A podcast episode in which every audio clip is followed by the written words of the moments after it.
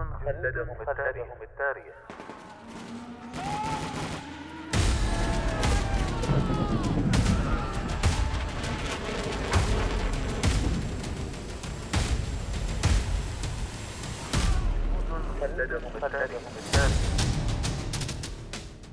كم يفخر التاريخ العسكري برجال كتبوا سيرهم في سجلاته بحروف من الجهد والتضحية والعطاء.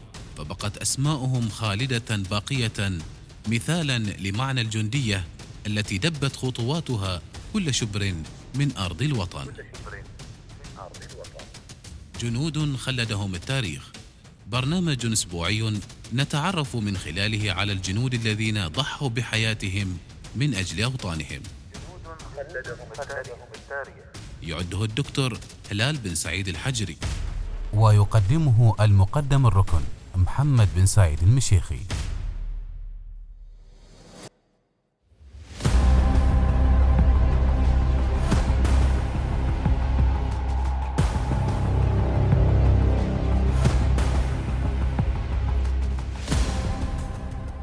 جنود خلدهم التاريخ جون ريجنالد جورمان.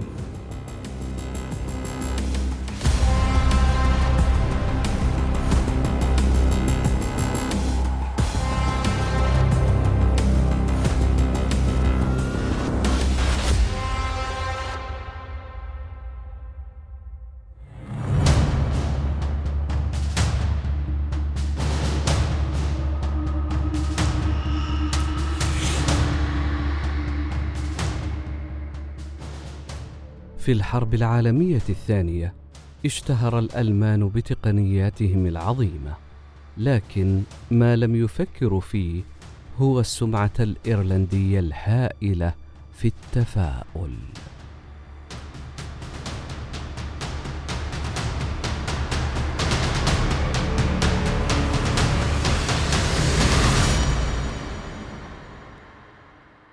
ولد جون ريجنالد جورمان في الأول من فبراير من عام 1923 في أومغ بإيرلندا. انضم إلى الحرس الإيرلندي في عام 1942 وأصبح ملازما في الكتيبة المدرعة الثانية التابعة لفرقة الحرس المدرع. في عام 1944 حدث إنزال نورماندي المشهور وكان الحلفاء حينها في شمال غرب فرنسا وكان الألمان يقاومون. يوم الثامن عشر من يونيو كان بداية معركة كاين وكاين هي واحدة من أكبر المدن في نورماندي تقع بجانب نهر أورني وقناة كاين. مما يجعلها مركزا حيويا. كان على الحلفاء أن يأخذوها.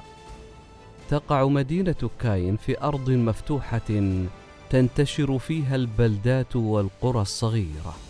كانت الخطة هي عزل القوات الألمانية الرئيسية داخل المدينة حين قام الحلفاء بإخراج جيوب المقاومة الأصغر من حولها.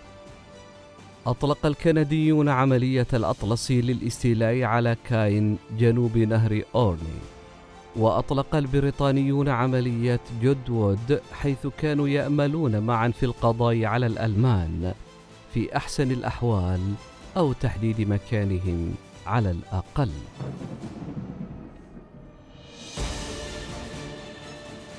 في الغرب كان الحلفاء عالقين لقد احتاجوا إلى الخروج من نورماندي لكن المقاومة الألمانية أثبتت أنها أقوى مما كانوا يتوقعون. أصبح جون جورمان ورجاله قلقين. فرغم امتلاكهم لدبابات شيرمان الأمريكية ظهرت شائعات بأن الألمان لديهم شيء أفضل بكثير وهي دبابات تايجر الثانية المعروفة أيضا باسم النمر الملكي وكانت تزن سبعين طنا تقريبا بسبب درعها السميك المزود بمدفع ثمانية وثمانين ملم من عيار واحد وسبعين. ماذا لو قابلنا واحدة منها؟ سأل العريف البحري جيمس بارون قائد قواته جون جورمان سنستخدم التكتيكات البحرية. دبابة شيرمان أسرع من تايجر الثانية. لذلك إذا التقينا بإحداها فسندكها. كانت فرقة جورمان متمركزة شرق قرية كاجني حيث أمامهم منحدر يمتد إلى مجرى ضحل ثم يرتفع نحو سلسلة جبال بورج بوس المليئة بالأشجار. من هناك جاءت النيران الألمانية لإعلام البريطانيين. بأنهم غير مرحب بهم.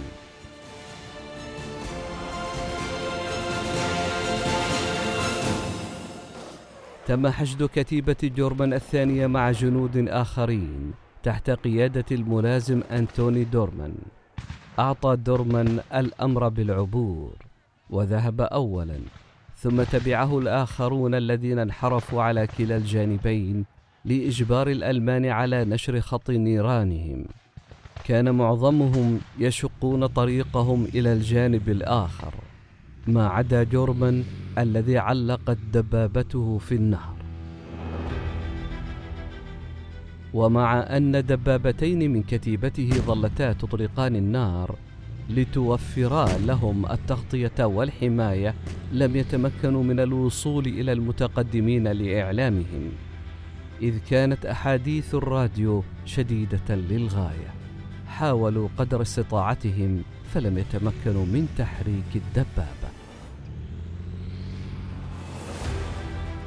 غضب جورمان وتخلى عن دبابة شيرمان الخاصة به وقفز إلى واحدة أخرى تسمى باليراجد وهي على اسم بلدة في إيرلندا عبروا النهر إلى الجانب الآخر لكنهم لم يجدوا أحدا وحين تجاوزوا خط الأشجار وجدوا الملازم دورمان يطلق النار على بعض المواقع الألمانية. بعد مسافة قصيرة وجد جورمان ودبابة أخرى الطريق الممتد من قرية كاجني إلى قرية إيملفيل. فور وصولهم إلى قمة التلال رأوا أربع دبابات ألمانية في منطقة تحتها على بعد 900 قدم فقط. كان هناك دبابة مارك الرابع القديمة ودبابة بانثر وموديل قديم لدبابة تايجر والدبابة تايجر الثانية وهي أول دبابة ترى على الجبهة الغربية. تأوه الإيرلنديون. قال جورمان لاحقا غير مصدق.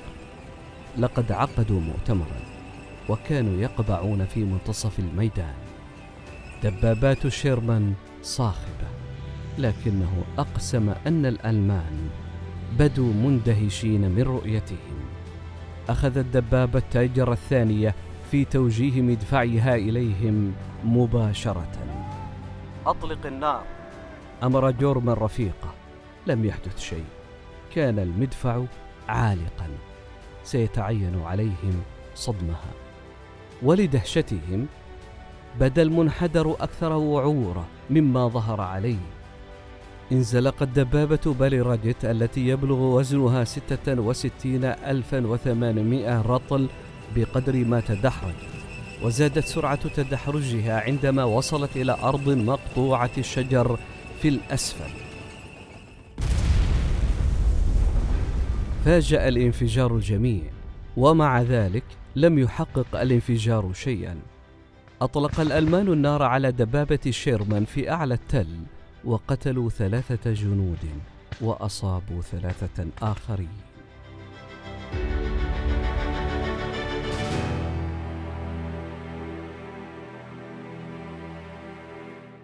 أثناء لجوء طاقمه إلى المأوى ركض جورمان لإحضار دبابة شيرمان فاير فلاي وهي دبابة مزودة بمدفع بريطاني قوي مضاد للدبابات من 17 مدقة هاون.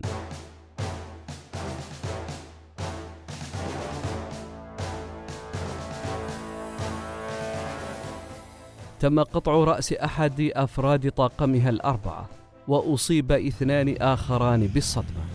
لكن جورمان كان قادرا على إزالة الجثة. وتولى قيادة الدبابة استطاع إكمال تدمير دبابات العدو المتبقية. حصل على وسام الصليب العسكري عن أفعاله ورقي إلى رتبة نقيب. في وقت لاحق من الحرب شارك جورمان في عملية ماركت جاردن وهي محاولة فاشلة لاختراق الخطوط الألمانية في هولندا والتقدم إلى شمال ألمانيا. كان الحرس الإيرلندي جزءا أساسيا من ميدان العملية. ووصلت دبابات جوربان إلى الجسر في مدينة نيمغن الهولندية قبل إلغاء العملية.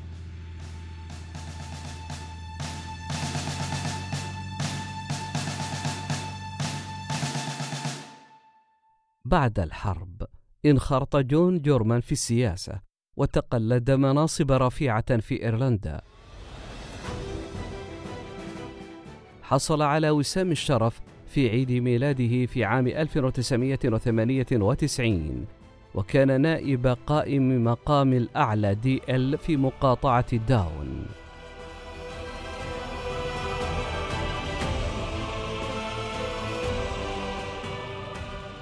وفي عام 2007 منح السير جون جورمان وسام كروا دي غويري من فرنسا لأعماله خلال الحرب العالمية الثانية. وهكذا أصبح جون جورمان من الجنود الذين خلدهم التاريخ.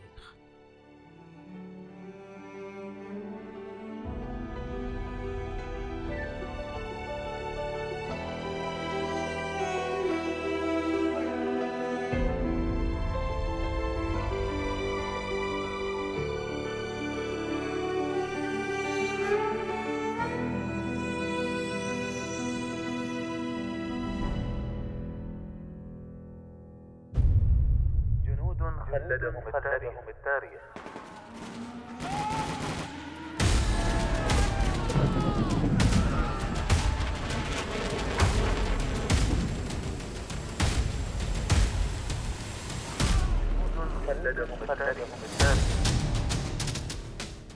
كم يفخر التاريخ العسكري برجال كتبوا سيرهم في سجلاته بحروف من الجهد والتضحية والعطاء.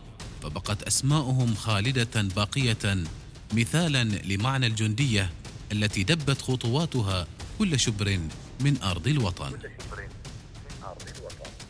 جنود خلدهم التاريخ. برنامج أسبوعي نتعرف من خلاله على الجنود الذين ضحوا بحياتهم من أجل أوطانهم.